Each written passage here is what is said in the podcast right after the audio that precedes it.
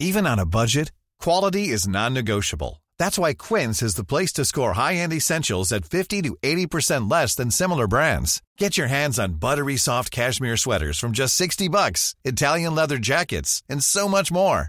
And the best part about Quince, they exclusively partner with factories committed to safe, ethical, and responsible manufacturing. Elevate your style without the elevated price tag with Quince. Go to quince.com slash upgrade for free shipping and 365-day returns.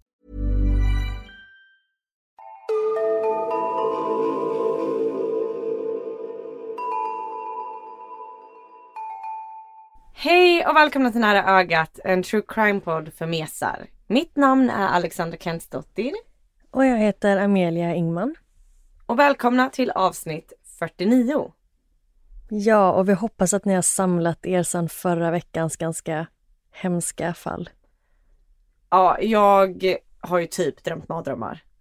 Och det tror jag alla förstod på mina reaktioner.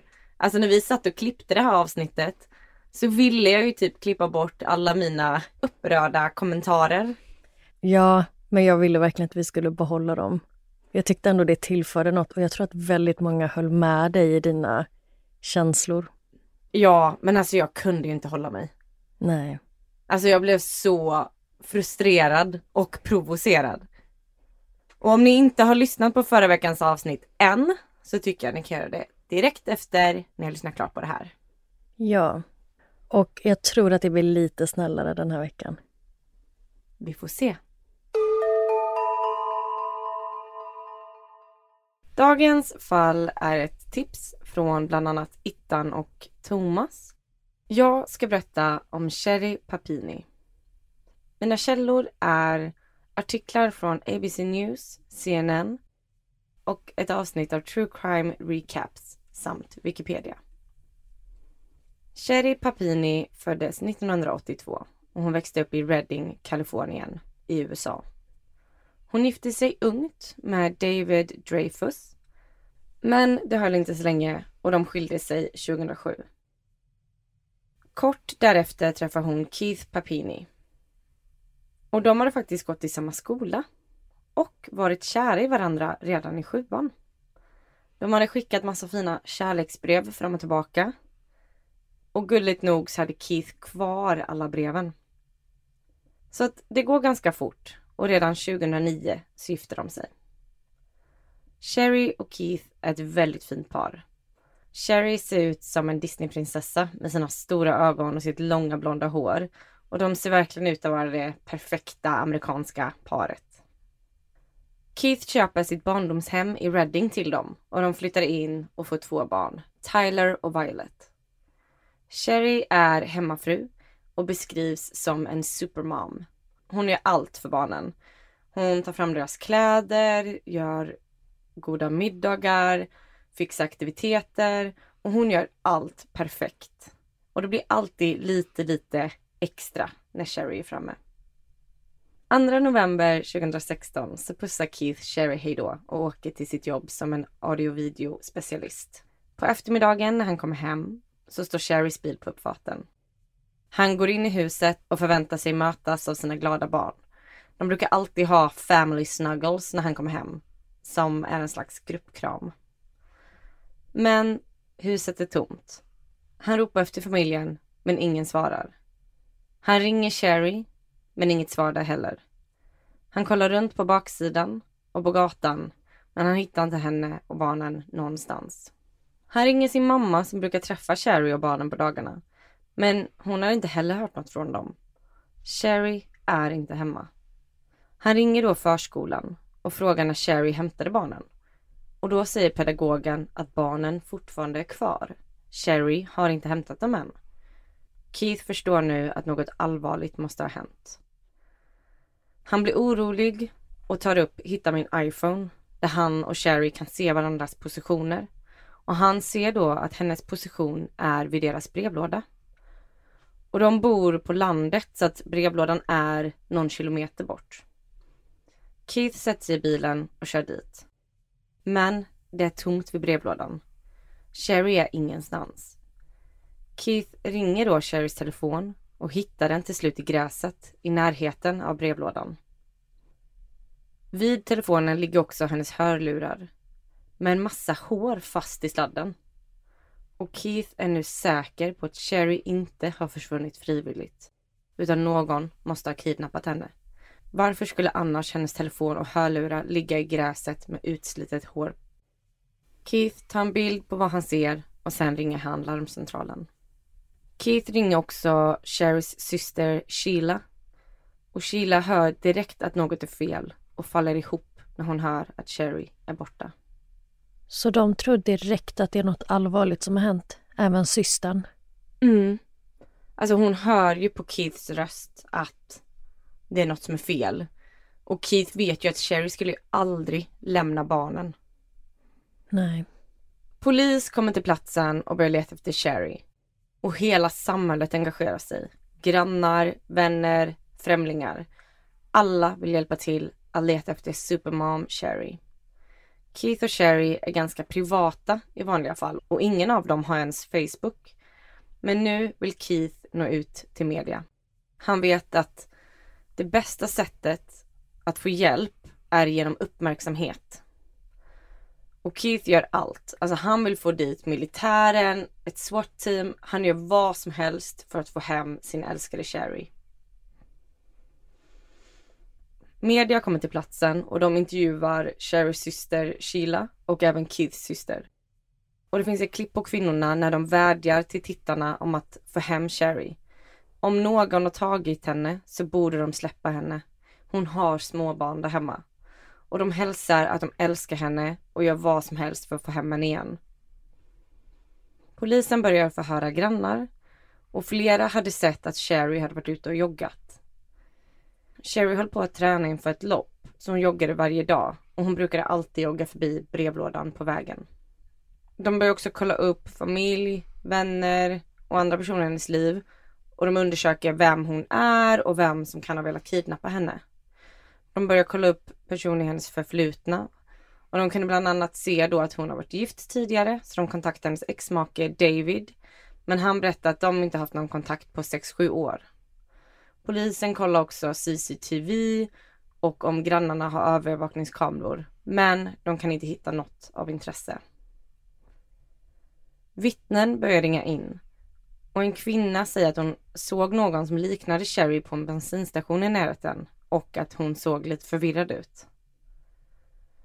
Keith ser nu till att det finns skyltar i varje hörn. Han vill få ut Sherrys ansikte överallt. Så om någon ser henne ska de veta att hon är kidnappad. Det finns nu billboards, posters, lappar överallt med Sherrys namn, bild och information kring vart man ska vända sig om man tror att man har sett henne. Och Keith är väldigt orolig. Han undrar såklart hur hon mår, om hon fryser, om hon får mat, om hon är någonstans och gråter och skriker ut hans namn. Han vill så gärna hjälpa henne men är totalt maktlös. Keith försöker skydda barnen. De saknar ju sin mamma och undrar vart hon är. Och ibland så får barnen syn på posters med mammans ansikte på och då blir de ännu mer ledsna. Och tack och lov så får han väldigt mycket hjälp att ta hand om barnen av både sin familj men även Sherrys syster under tiden. Och utan dem så hade han aldrig orkat med allt. Och Keith var ju också personen som hittade telefonen och polisen förhör honom. Och nio dagar in i försvinnandet så får han göra ett lögndetektortest som han klarar. Och tack vare att Keith hade ett alibi så kunde polisen eliminera honom som misstänkt. Och något som var väldigt skönt för Keith, det var att Sherrys syster Sheila aldrig någonsin misstänkte att Keith var personen som, som tagit henne eller skadat henne. Utan hon backade honom 100% redan från start. Keith är 100% säker på att Sherry har blivit kidnappad. Men polisen verkar inte vara lika övertygad.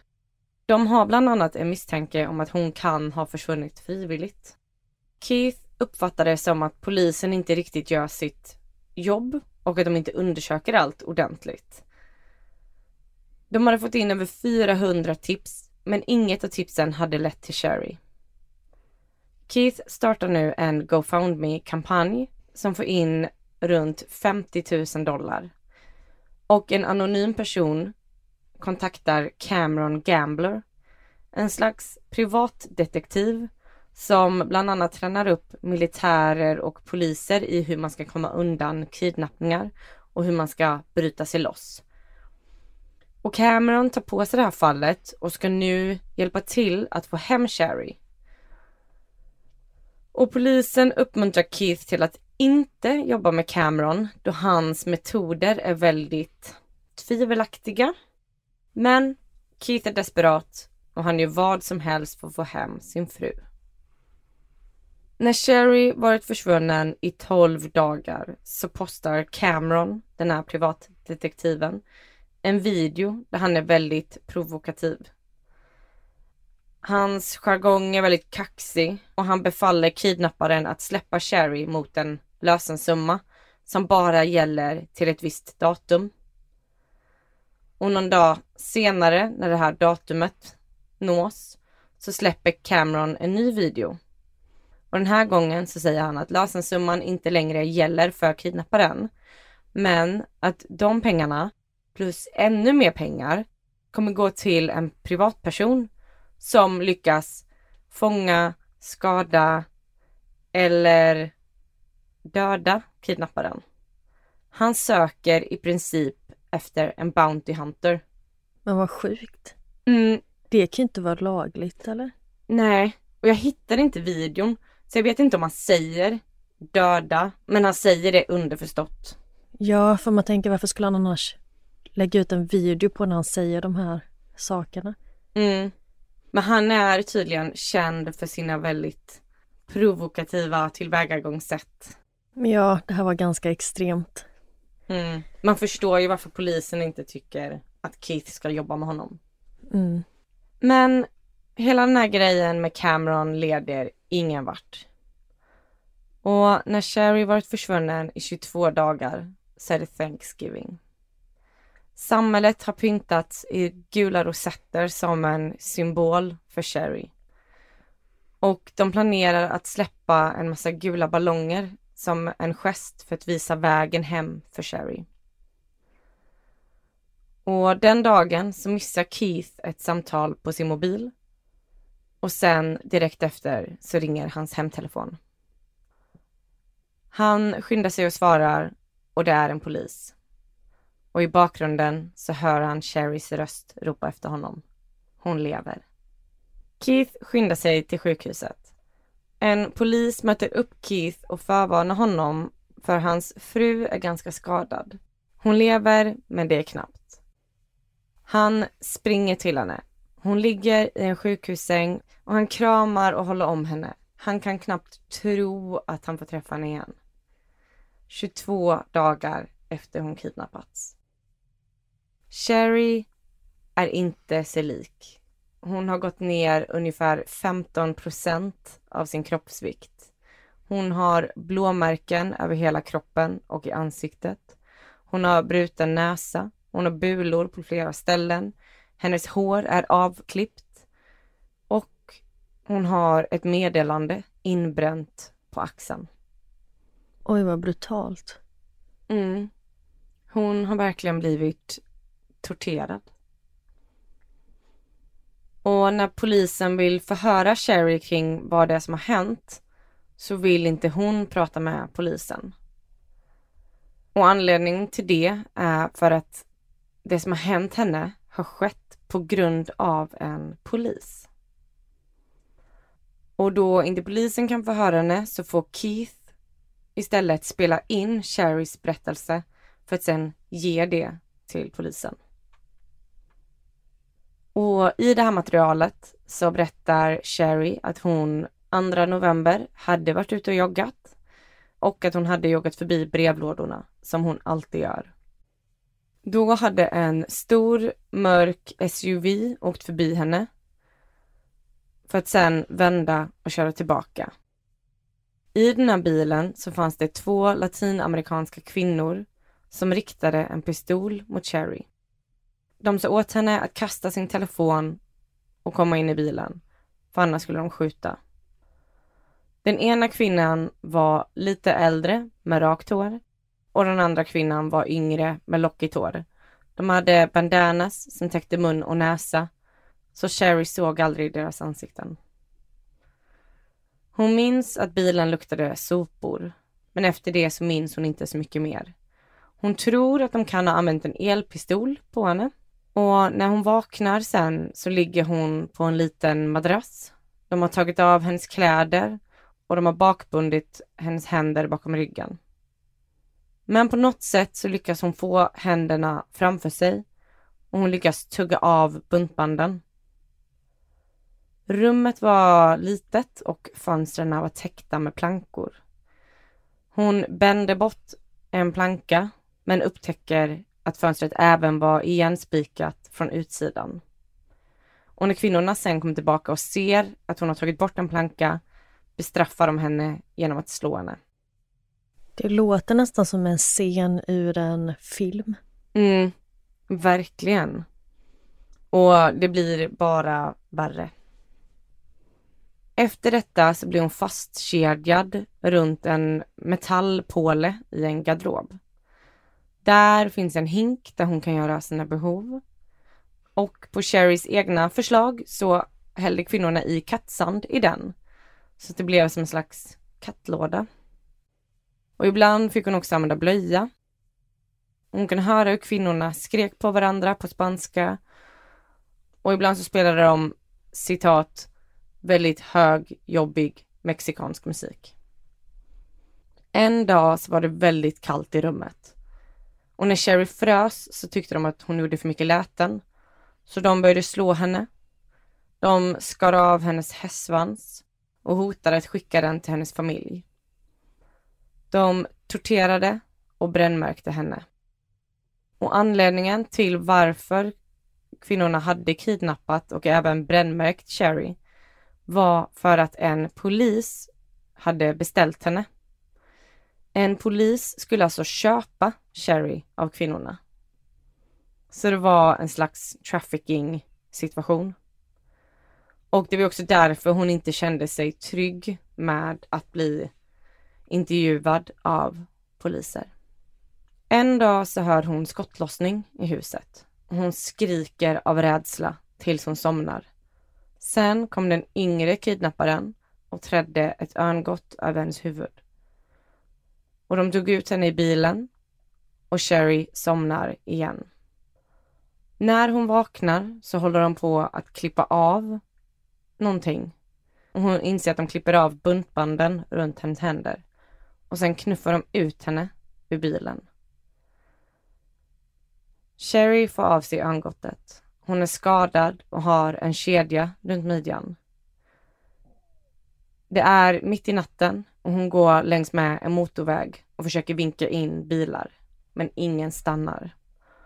Hon tror att de kanske blir rädda för hennes kedjor så hon försöker gömma dem.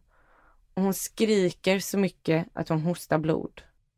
Till slut så ser en kvinna henne och hon ringer polisen. Och det var så Sherry Papini blev hittad. Hon var då i Yolo County, ungefär 25 mil hemifrån. När Sherry släpps från sjukhuset så ringer hon alla som hjälpt till att leta. Hon ringer bland annat borgmästaren och de båda börjar gråta under samtalet. Alla tycker att det är så fantastiskt att Sherry äntligen fått komma hem. Men samtidigt är ju folk i samhället väldigt oroliga. Vilka var de här latinamerikanska kvinnorna som försökte, som kidnappade Sherry? Kommer fler bli kidnappade? Och då Sherry inte vill samarbeta med polisen så tar undersökningarna väldigt lång tid. Och det dröjer ungefär ett år innan fantombilder på kvinnorna kommer ut i media. Det tar ungefär fyra år innan något händer i fallet. När Sherry hittades så undersöktes hon såklart av läkare. Hon sa då att hon inte hade blivit sexuellt utnyttjad eller liknande. Men polisen hade hittat manligt DNA i hennes trosor. Och år 2020 så får polisen en matchning på det här DNA. och det visade sig tillhöra hennes expojkvän James Reyes. Polisen åker såklart hem till James och förhör honom. Och då erkänner han allt. Sherry och James hade känt varandra sedan de var unga. De hade till och med varit förlovade. Men han hade gjort militärtjänstgöring och när han kom hem så var hon förlovad med någon annan. Det vill säga David, hennes exmake. Och Sherry och James hade haft kontakt under en längre period innan den så kallade kidnappningen. De hade återupptagit sin kontakt efter att James hade hittat saker som tillhörde Sherry och lämnat dem hos hennes föräldrar. Då hade Sherry ringt och tackat honom för det. Och det ena ledde till det andra och de fortsatte ha kontakt via sms bland annat. Och många sms uppfattas också som väldigt flörtiga. Sherry börjar då berätta för James att hennes man Keith är våldsam, att han misshandlar henne och att hon är rädd. Och detta är då något som inte stämmer, utan detta är något hon hittar på och bara berättar då för sin expojkvän. Sherry ber James att komma och rädda henne. Så James kör då 18 timmar enkel väg för att rädda henne den 2 november 2016. Hon hoppar in i hans bil, gömmer sig på golvet vid passagerarsätet så att inga kameror ska fånga dem. Och sen kör han henne till södra Kalifornien, där han bor. Väl i hans lägenhet så börjar Sherry skada sig själv. Hon slår sig bland annat med en hockeypuck och ber James om hjälp också. Han slår henne på benen med pucken så hon får rejäla blåmärken. Sherry äter väldigt, väldigt lite under den här perioden. Hon säger att det är för att gå ner i vikt. Hon bränner sig själv genom att värma bestick och trycka dem mot kroppen. Och hon vill att James ska hjälpa henne med detta också, men han vägrar. Men varför går han med på att slå henne med hockeypucken? Nej, jag, jag vet inte. Vet han varför hon vill skada sig själv? Jag har inte hittat jättemycket information omkring hur mycket han vet.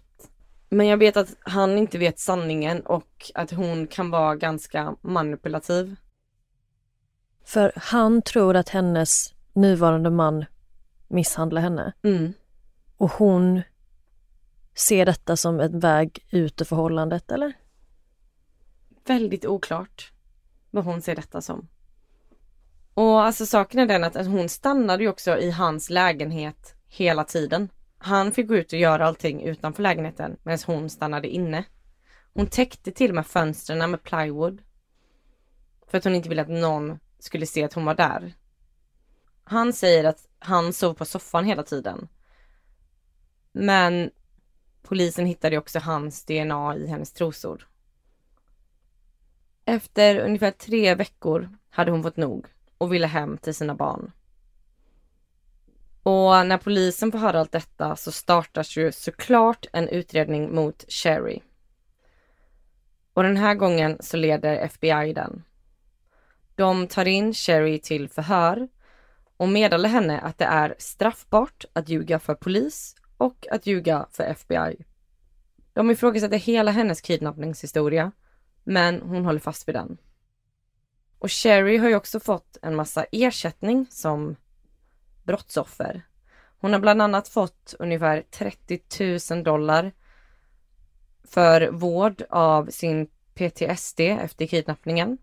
Plus att hon har ju fått 50 000 dollar från GoFundMe-kampanjen.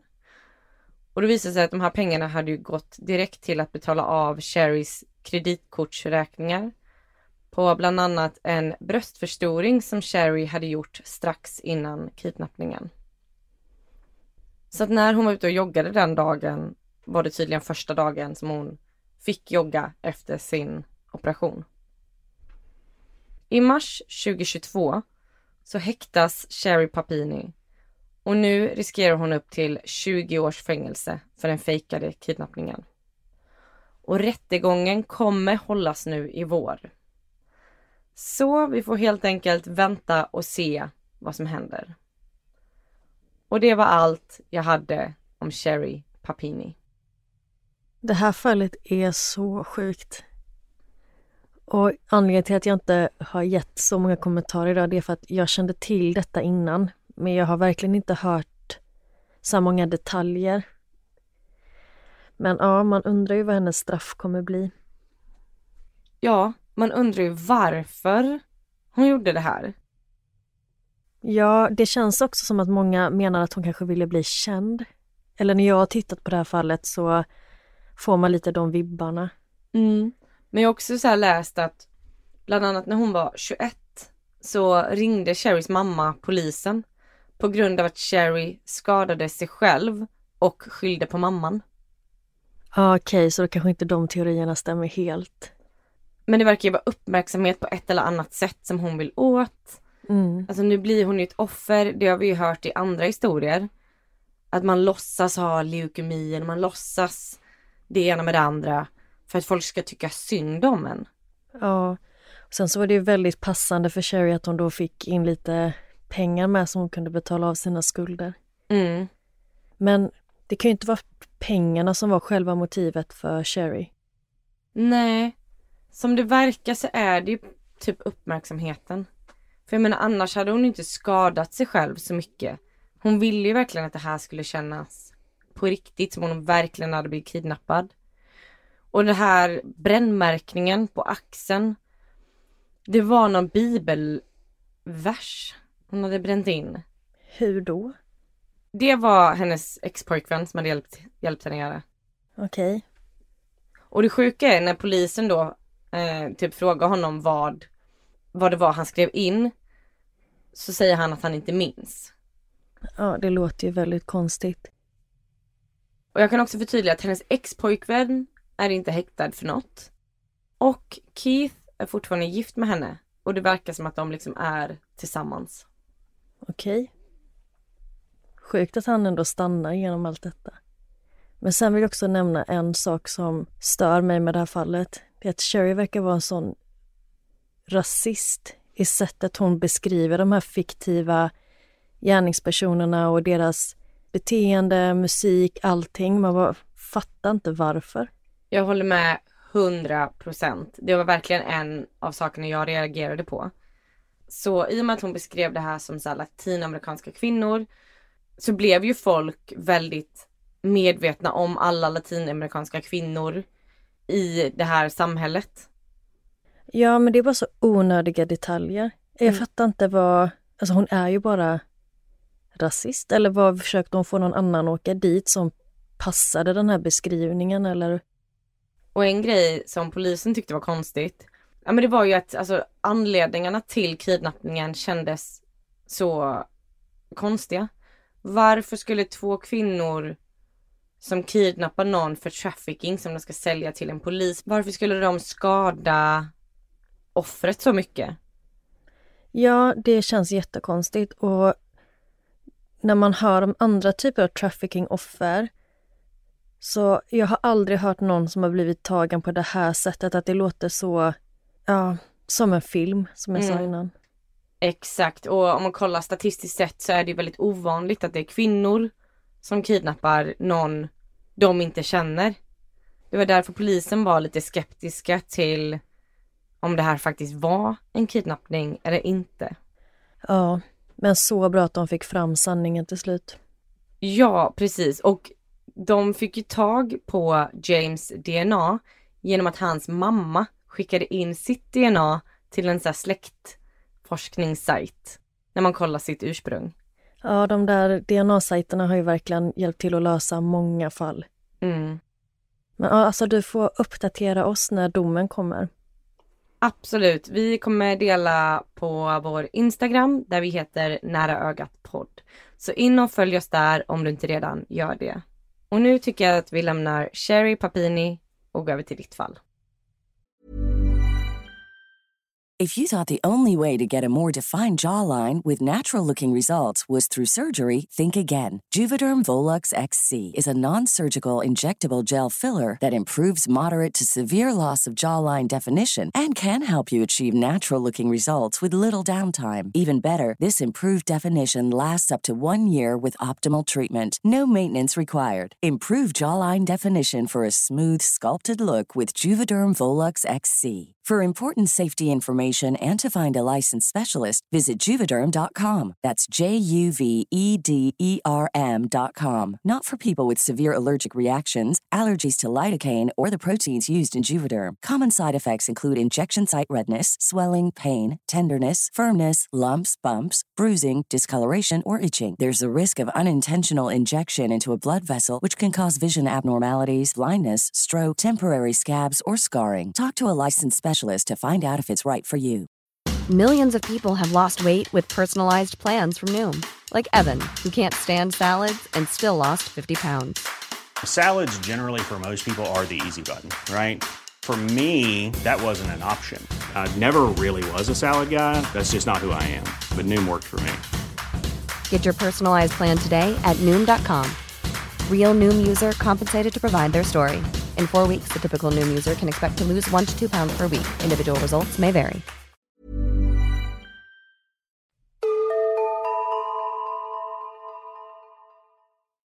Idag ska jag berätta om sex stycken pojkar från Tonga. Mina källor är en Youtube-video av Brooke McKenna, en artikel i The Guardian, People, Newsroom och Channel 7. Dagens fall utspelar sig 1965 och handlar om en grupp pojkar som bor på den lilla ön Tonga i södra Stilla havet, ganska nära Fiji. Pojkarna heter Sion, Fatai, Tevita, Kolo, Manu och Luke. Vissa källor menar att de är mellan 13 och 16 år och andra säger 15 till 18 men de är i alla fall alla i tonåren. De är alla vänner och går på en internatskola som heter St. Andrews Anglican Boarding School. Det är juni månad och pojkarna börjar bli uttråkade. De vill hitta på något och de drömmer om ett bättre liv någon annanstans utanför ön. Och då kommer de på en plan. De ska låna en båt och segla till Nya Zeeland som är cirka fem timmar bort med flyg. Det är en väldigt lång segeltur. Ja, och jag vet inte om de är medvetna om exakt hur lång den här sträckan är, men de var alla på jakt efter ett äventyr. De hittar en fiskebåt i hamnen som de bestämmer sig för att ta och påbörjar sin resa mitt i natten. Med sig har de två påsar bananer, några kokosnötter och en gasbrännare. Det var allt. De tog inte med sig något vatten eller några verktyg. De seglar under några dagar och en natt när pojkarna ligger och sover och de är mitt ute på öppet hav så drar ett oväder in. Det börjar blåsa ordentligt och de kraftiga vindarna sliter av masten, båten skadas och helt plötsligt är de utan både segel och roder och de kan inte längre styra eller kontrollera båten. Som tur är klarar sig båten genom ovädret men eftersom de inte längre kan styra den så driver de nu runt på öppet hav i cirka åtta dagar. De försöker fånga fisk och samla regnvatten i skalen från sina kokosnötter. Men när regnet är över så betyder det även att deras tillgång till dricksvatten är borta och maten de har med sig är slut. Pojkarna börjar be om hjälp och tänker att nu ligger deras liv i Guds händer. Men så ser de plötsligt land. De driver närmare och närmare ön och när de kommer tillräckligt nära så hoppar pojkarna i vattnet. Men längs öns kust är det fullt med stora och vassa klippor. Men som tur är så klarar alla sex pojkar av att simma i land. Ingen av dem vet var de befinner sig någonstans. De har aldrig tidigare sett den här ön och ingen kunde säga i vilken riktning som båten hade drivit och de har ingen aning om hur långt hemifrån de är. Men de är så tacksamma över att äntligen ha nått land och de kan knappt tro att det är sant att de har klarat sig. Men de är också väldigt utmattade och trötta på grund av näringsbrist och uttorkning. De befinner sig nu på stranden som är full med stora stenar. Och själva ön är som ett högt berg. Och det är en väldigt brant kant innan man kommer upp på själva ön. Så de måste klättra upp för en bergsvägg och de försöker om och om igen, men inga lyckas. De ramlar bara ner för att de är så svaga och de har inte tillräckligt med ork. Så de bestämmer sig för att göra upp ett läger nere på stranden och vänta tills de har samlat tillräckligt mycket kraft innan de försöker ta sig upp igen. Men de är oroliga över att en våg ska komma in och spola bort dem för att det var väldigt höga vågor runt den här ön. Så de samlar ihop stenar och bygger som en vägg på ena sidan av lägret mot havet för att hålla vattnet borta och samtidigt skydda mot solen. Alla pojkar är medvetna om att de måste hitta mat snabbt. Annars är risken stor att de inte kommer överleva mer än ett par dagar på ön. Och trots deras unga ålder och den här skrämmande situationen så låter de inte det dra ner deras humör. Utan de är väldigt lösningsorienterade. Och trots att de är rädda för att de kanske aldrig kommer kunna ta sig härifrån så är de ändå väldigt tacksamma för vad de faktiskt har här i stunden. Alla vet om att om de inte hade drivit förbi den här ön så hade de dött ombord på båten där de var utan både mat och vatten. Men nu har de fått en ny chans och möjligheten att hitta mat. Deras första plan är att försöka fånga vilda fåglar. De jobbar tillsammans och använder sig av sina jaktkunskaper och lyckas fånga flera fåglar och även fågelägg. De ger sig även ut i vattnet och börjar jaga fisk. Men det enda problemet är att de har ingen som helst utrustning eller verktyg och de kan inte göra upp någon eld. Men det stoppar de inte, utan de äter sina fångster råa. Och de är bara glada över att de har något att äta överhuvudtaget. De hittar urholkade trädgrenar som de använder för att samla in regnvatten. Men när de inte lyckas få in tillräckligt mycket vatten så släcker de törsten genom att dricka blodet från fåglarna. De fördriver tiden med att jaga och fiska för att distrahera sig och slippa tänka på sina familjer, vad de gjort och vad som kommer hända dem. Och när de samlas tillsammans i lägret så pratar de väldigt mycket med varandra om hopp. Att det kommer komma en båt och rädda dem och att de kommer en dag kunna återvända hem. Och det här är som sagt sex stycken tonårspojkar. Och de är alla väldigt upprörda och arga över den här situationen och många klandrar sig själva. Och det hade kanske inte varit så chockerande om det hade uppstått en del konflikter eller slagsmål. Exempelvis bråk om maten, vem som ska bestämma eller vems fel det är att de hamnat här. Men i den här gruppen så finns det ingen risk att det kommer uppstå någon sån typ av konflikt. Och de har ett jättestarkt band mellan varandra. Och de menar att en anledning till att de har det här starka bandet är för att de kommer från väldigt liknande bakgrunder. Alla sex pojkar kommer från fattiga familjer. Och de är vana vid att man stöttar och hjälper varandra i samhället. Och att man ser till att andra har det bra. Och det är så de är uppvuxna. Att allt man har delar man på. Så detta var inte något de behövde vänja sig vid här på den här öde ön utan de delade på allt de fångade in. Det var aldrig något tjafs om vem som förtjänade mest mat till exempel. Min enda parallell som jag tänker på just nu det är Robinson. För jag har precis börjat kolla på den nya säsongen som går nu.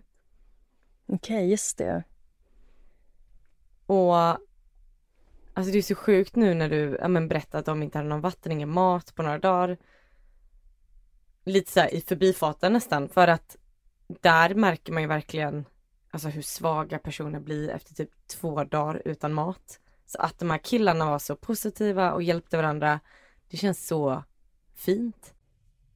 Ja, och de var väldigt måna om att inte typ så tappa hoppet eller tappa gnistan utan från första stund på den här ön så hade de liksom jobb och såg till att nu ska vi fixa mat, nu ska vi bygga läger, nu behöver vi någonting att dricka. Det var liksom alltid fokus på vad man kunde fixa härnäst.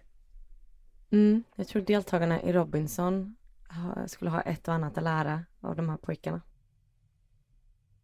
Efter att ha spenderat hundra dagar nere på stranden. Vänta, va? Hundra dagar? Ja. Och då har de bara varit nere på den här stenstranden då. Oj, wow! Mm. Jag trodde du skulle säga så tre, fyra dagar. Nej, utan de har bott på de här stenarna i hundra dagar. Och efter det så har de samlat tillräckligt mycket kraft för att äntligen försöka ta sig upp för den branta klippväggen. Och det tar två dagar för dem att testa olika vägar innan de till sist lyckas ta sig upp på ön. Och de är jätteglada och exalterade över att de nu har en helt ny miljö att utforska och förhoppningsvis ny mat. Så de ger sig ut på jakt efter mat och då hittar de gamla verktyg och knivar som lämnats kvar på ön. Och det verkar som att det en gång har funnits en civilisation här. Men det finns inga människor kvar där idag. När de går runt på ön så hittar de människoskelett. Och de förstår att det här kan även bli deras öde. Så de bestämmer sig för att ge de här skeletten ordentliga gravar och visa respekt för kvarlevorna som de hittade. Det visar sig att den förra civilisationen inte bara lämnat verktyg efter sig som pojkarna kan använda utan även massor med mat. Det finns höns, kokosnötter, bananer, bönor, ananas och massa annat som pojkarna är riktigt tacksamma för. Men alltså vänta, nu gick vi från Robinson till Lost helt plötsligt. Det här känns ju också som en serie. Ja, lite likt faktiskt. Och pojkarna använder såklart allt de hittar från den tidigare civilisationen och de kan använda sig av verktygen för att skära av toppen på kokosnötter så de kan dricka kokosvatten. Och de säger att det känns som att de har andarna från den här tidigare befolkningen i sig och att det är som att de hjälper dem att överleva. De spenderar sina dagar med att jaga och samla in mat. Och på kvällarna så ber de tillsammans och de ber om att bli räddade. Sion ber och säger att om han blir räddad så kommer han att dedikera sitt liv till Gud. Och Sion blir lite som gruppens ledare. Han hjälper och stöttar de andra pojkarna och är som deras andliga vägledare och ser till så att de andra inte tappar hoppet och motivationen. En av pojkarna lyckas till slut efter flera timmars kämpande med att tända en brasa. Och de börjar nu turas om att vakta elden så att den inte slocknar. Så första natten uppe på ön så dukar de upp en buffé med all mat de samlat in. De har djur, bönor, frukt och detta är den första varma måltiden på tre månader. Men innan de börjar äta så sjunger de en sång tillsammans som de har skrivit. Och sen tackar de Gud för maten de fått. Och de visar väldigt mycket tacksamhet. Och det finns inspelningar med deras låt. Och i den så sjunger de om ön, de farliga klipporna, tiden de spenderar där. Men även om ensamheten och hopplösheten. Colo är gruppens musiker och han bygger en gitarr av gamla kokosnötter, träbitar och trådar från deras båtvrak. Och han kunde till och med stämma strängarna som han virat runt små träpinnar. Och Kolo spelade ofta för att lyfta stämningen i gruppen.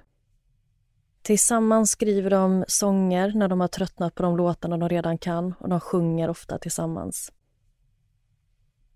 Efter några dagar uppe på ön så märker de att flera av träden har vatten i stammarna. Så nu behöver de inte längre oroa sig för att samla vatten och vänta på regn. Utan nu har de obegränsad tillgång till dricksvatten. Och nu när de inte längre behöver oroa sig för varken mat eller vatten så blir nästa fokus att bygga ett ordentligt skydd. De använder sig av buskar och palmträd och flätar samman tak och väggar och bygger en hydda och nu börjar ön att kännas som ett hem. Varje kväll så samlas de runt elden och berättar om sina dagar och vad de har gjort. och de har jagat, samlat frukt eller bara lekt eller spelat någon sport. Och om det är någon som har jobbiga tankar eller om det är någon som stör sig på något så delar de med sig av detta till gruppen och stöttar varandra. Och om någon är arg eller upprörd så får den här personen gå ifrån gruppen ett tag, andas, lugna ner sig innan han sen får komma tillbaka och reda ut problemet. De känns otroligt mogna. Ja. Och återigen, de är bara tonåringar. Men de beter sig väldigt moget och är väldigt lyhörda mot varandras känslor. Gruppen använder sig inte av någon form av bestraffning eller utfrysning utan att om någon konflikt uppstår så är de väldigt noga med att reda ut det och be om ursäkt. Och de är väldigt angelägna med att jobba just på förlåtelse. Och de har heller inga grupperingar utan alla håller ihop. Och de är alla i den här situationen tillsammans och de vill att alla ska känna sig som en del av deras familj och att alla ska känna sig hörda. Tillsammans så gör de i ordning en trädgård där de kan odla och de bygger även ett gym så de kan träna och hålla sig starka. De utövar olika sporter tillsammans som boxning och tennis och de bygger rackets med saker som de hittar på ön. Och de vill försöka hålla sig så friska och starka som möjligt för att kunna överleva. Hemma på ön Tonga har pojkarnas familjer ingen aning om vad som har hänt. Pojkarna har bara försvunnit helt utan några spår och ingen har sett dem lämna ön. När pojkarna har varit borta i sex månader och det inte finns några livstecken överhuvudtaget så börjar familjerna att anordna begravningar för dem. Och de sörjer såklart sina försvunna barn. Och de tror att även om de kanske tog sig från ön med en båt så finns det ingen chans att de kan ha överlevt så här länge ute på havet.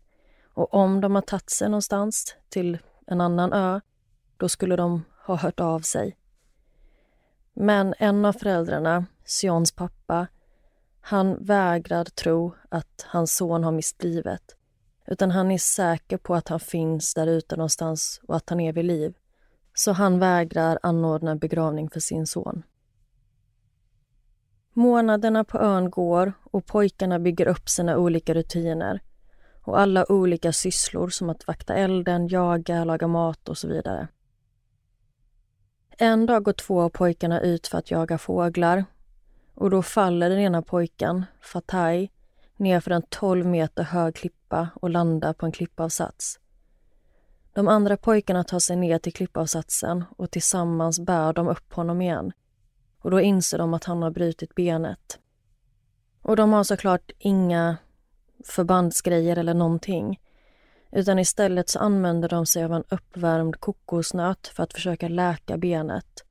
Och efter olyckan så får han vila och återhämta sig i lägret. Och sakta men säkert så läker benet. Och han fick bara ett ärr, men utöver det så är han helt okej. Okay.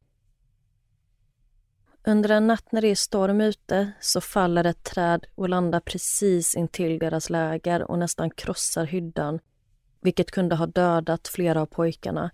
Men som tur är så är alla oskadda. Efter en tid på ön bestämmer sig några av pojkarna för att bygga en flotte. De vill försöka ta sig hem. Men så fort de lägger ner flotten i vattnet så tar de stora vågorna tag i den och krossar den mot klipporna. Och den slogs helt sönder.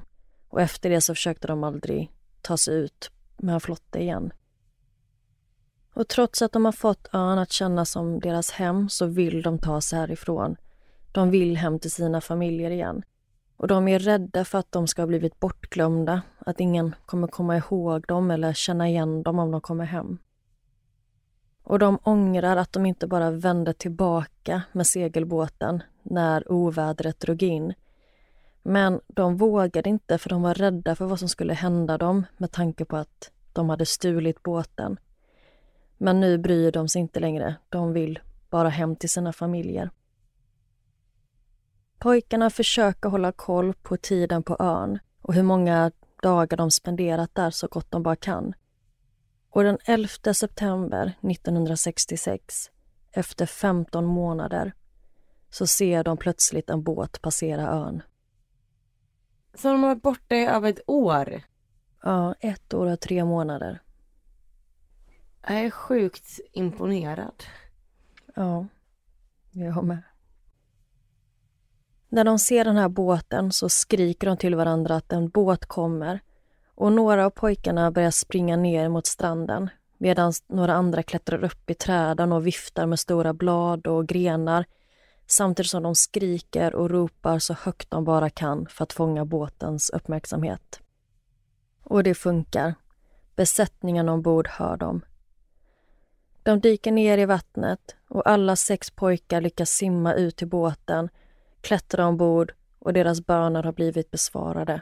De har blivit räddade. Kaptenen på båten är en australiensisk man som heter Peter Warner och han är ute och letar efter nya vatten där han kan fiska kräftor.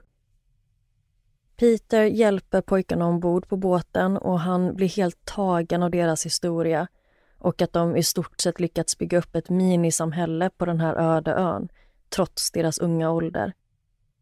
Och kaptenen ser till att pojkarna får nya kläder, en ordentlig måltid och han säger att han mer än gärna kör dem hem till Tonga. Kaptenen kontaktar media i Sydney och ser till så att reportrar tar sig till Tonga och finns på plats när de kommer fram till ön för att dokumentera när pojkarna återförenas med sina familjer. Och alla är såklart överlyckliga när de får veta att pojkarna är på väg tillbaka hem och att alla har överlevt. De kan knappt tro att det är sant. Och när de kommer tillbaka till Tonga så möts de på stranden av sina familjer, vänner, grannar och alla välkomnar dem med öppna armar. Och nyheten om att pojkarna har kommit tillbaka sprids på ön. Och det skapar även en del uppståndelse eftersom de hade stulit båten. Så när de kommer tillbaka hem till Tonga så grips de och häktas för stöld. För ägaren av båten har anmält dem. Det anordnas en välkommen hemfest för pojkarna. Men när festen drar igång så märker kapten Peter Warner att ingen av pojkarna är där och då får han höra att de är häktade. Så då går kaptenen för att hjälpa pojkarna och han betalar ägaren för den stulna båten och ser till att de blir släppta. Och Peter Warner ska även ha förhandlat om rättigheterna till pojkarnas berättelse. För han förstod att den här historien var värd att berätta. Om jag förstår det rätt så ska han som återbetalning för den summan han gett för båten fått pojkarna att ge honom rättigheterna till deras berättelse. Som han sen i sin tur sålde till Channel 7 som gjorde en dokumentärfilm om det här. Och de tre kommande dagarna efter pojkarna återvänt så är det en konstant fest på ön. Alla vill fira att de har återvänt och det är fullt med sång, dans och mat. Pojkarna undersöks av en läkare som är helt förvånad över deras fysiska styrka och goda hälsa och att de har lyckats hålla sig så friska så länge. Och Även att det brutna benet läkt helt perfekt. Det skulle visa sig att den öde ön som pojkarna spenderat ett år och tre månader på heter Ata och ligger bara 16 mil från Tonga. Ön har tidigare varit bebodd av runt 300 människor fram tills 1863 då en man från Tasmanien som heter Thomas McGrath upptäckte ön. Och den här Thomas McGrath var sjökapten och hade tidigare varit valjägare men det hade inte gått så bra för honom. Så då bestämde han sig istället för att jaga människor. Så han kidnappade 144 stycken män, kvinnor och barn från ön Ata som han sen sålde på slavmarknad i Peru. Oj, vad mörkt. Mm. Jättehemskt. Och det sägs att invånarna på Ata, innan de kidnappades, levde i ett samhälle där de stod väldigt nära varandra. Och att samhörigheten och familj var väldigt viktigt för dem och det var det som gjorde dem starka. Och det liknar även inställningen som pojkarna hade haft på ön. Och de menar att det är tack vare den tidigare befolkningens verktyg och djur som de i sin tur kunde hålla sig vid liv på ön. Alla sex pojkar återvände till Ata för att spela in en dokumentärfilm om vad de gått igenom. Och de hoppas att den här ön en vacker dag kommer att befolkas igen. Och det finns då ganska många bilder och filmklipp från när de här pojkarna återskapat det de gick igenom på ön. Så man kan ändå få en typ av känsla för hur de hade det. En av Kolos sista önskningar i livet var att få återvända till ön Ata en sista gång. Vilket han fick uppleva 2015 när ytterligare en dokumentärfilm gjordes av en spansk äventyrare som heter Alvarez Corresso. Sion och Luke är fortfarande väldigt nära vänner och de har båda flyttat till Kalifornien där de bor tillsammans och idag är de i 70-årsåldern. Sion blev pastor och dedikerade sitt liv till Gud och Luke boxare. Mano har rest världen runt med kapten Peter Warner, mannen som tog de hem till Tonga. Omano Mano har jobbat i hans besättning under många, många år. Omano Mano blev själv kapten. Peter och Mano utvecklade en väldigt stark och fin vänskap. Sione, Luke, Tevita och Mano är de fyra som fortfarande är vid liv idag. Och de har nyligen gett Hollywood Studio New Regency filmrättigheterna till deras berättelse. Och alla fyra kommer vara involverade som konsulter för produktionen för att få det så autentiskt som möjligt både gällande vad som hände dem men även den polynesiska kulturen. Sion berättar att han har väntat i över 50 år på att deras berättelse ska bli känd. Och han säger att om alla människor idag skulle ha samma inställning som de sex skeppsbrutna pojkarna att om vi alla hjälper varandra, inte är giriga och bryr oss om varandra så kan vi alla överleva allt det som sker i världen. Och det var berättelsen om Sione, Fatai, Tevita, Kolo, Mano och Luke. Planning for your next trip?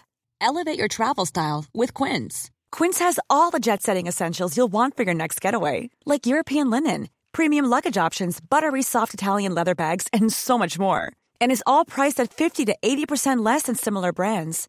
Plus, Quince only works with factories that use safe and ethical manufacturing practices. Pack your bags with high-quality essentials you'll be wearing for vacations to come with Quince. Go to quince.com/pack for free shipping and 365-day returns. Ja, det var ju verkligen en helt annan berättelse jämfört med förra veckans avsnitt. Alltså vilken historia. Mm. Betydligt snällare, men också helt otrolig. Så inspirerande. Ja. Alltså vilka fina killar. Ja, verkligen. Och jag är så imponerad av deras förmåga att hålla uppe humöret, att förbli vänner, att stötta varandra och ta hand om varandra. Lika mycket som deras överlevnadsförmåga. Mm.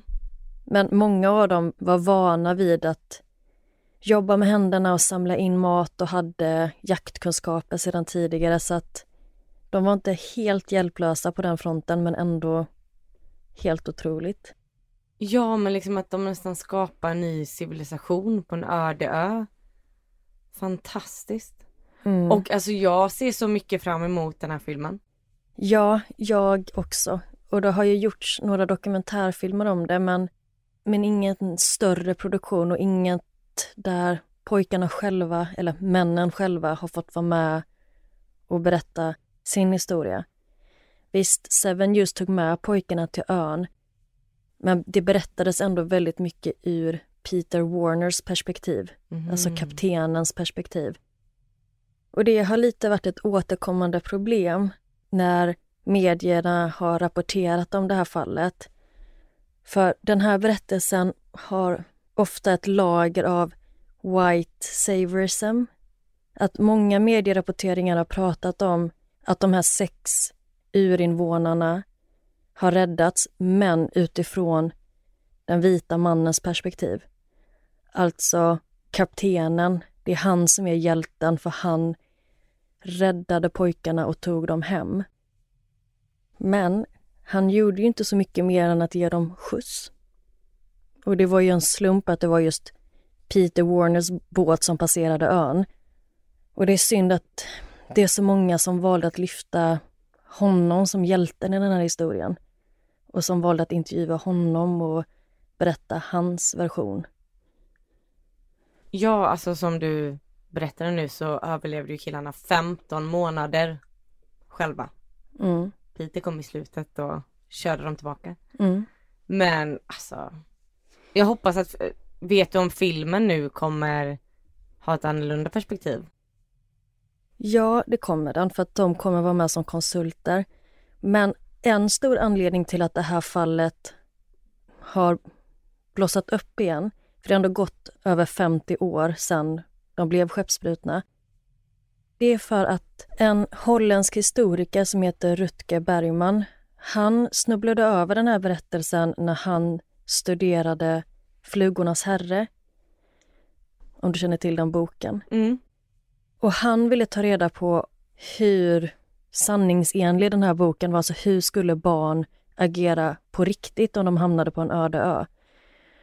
Så när han fick höra om de här sex skeppsbrutna pojkarna så tyckte han att det här var ett perfekt underlag för sin studie. Så Rutger publicerade en artikel i The Guardian om det här fallet. Men problemet var bara att Rutger hade bara intervjuat Peter Warner och lyft allt återigen från hans perspektiv. Och Rutger hade bara pratat med två av överlevarna som faktiskt befann sig på ön. Så när den här artikeln kom ut på The Guardian så fick den jättestor spridning och lästes av flera miljoner. Så Rutger har då blivit kontaktad av flera produktionsbolag som ville köpa rättigheterna till den här berättelsen av honom. Men är det han som äger historien?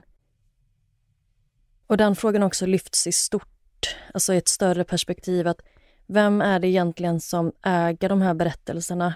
Vem är det som har rätt att återge dem? Och I det här fallet så handlar det om en urbefolkning återberättad av en vit man som har intervjuat en annan vit man om vad som hände. Men det här skapade också ganska mycket kritik. Många ifrågasatte varför Rutger skulle vara involverad i en eventuellt film och många menar att om det ska filmatiseras så de ändå då tar in de faktiska överlevarna. Så det är därför fallet har kommit upp igen, men jag vet inte om Rutger på något sätt har varit involverad i den här filmprocessen nu som kommer bli av, men överlevarna kommer själva vara med som konsulter i alla fall. Om den här berättelsen filmatiseras så hoppas pojkarna, eller männen, att det kommer göras av polynesiska producenter och de vill se personer från Tonga både bakom och framför kameran. Så vi får se, vi hoppas på det. Ja, jag skulle verkligen, verkligen vilja se den här filmen. Och det känns ändå fint att det är de som får berätta sin historia. Det är ju konstigt att kaptenen berättar deras historia när han inte upplevde den. Ja, och jag vet inte om det är nödvändigtvis Peter Warner själv som har velat vinkla det på detta sättet eller om det är media som har valt att kontakta honom. Men ja, det är såklart inte rätt att det har blivit så. Och Sione, han berättar att han har länge längtat efter möjligheten att få berätta sin egen historia. Och han har även tänkt att kanske hans barnbarn skulle kunna skriva en bok om det. Så det känns ju jättefint att han nu kanske får den möjligheten i en kommande film. Ja, verkligen. Tusen tack Amelia för att du lyfte de här sex pojkarnas historia. Det var så intressant och inspirerande och jag hade aldrig hört om det tidigare. Tack. Och självklart så säger vi till så fort vi har några nyheter om den här filmen. Då lägger vi upp det på Instagram och Facebook där vi heter Nära ögat podd. Precis. Tack så jättemycket för att ni har lyssnat idag så hörs vi igen nästa vecka. Tack så mycket. Ha det fint!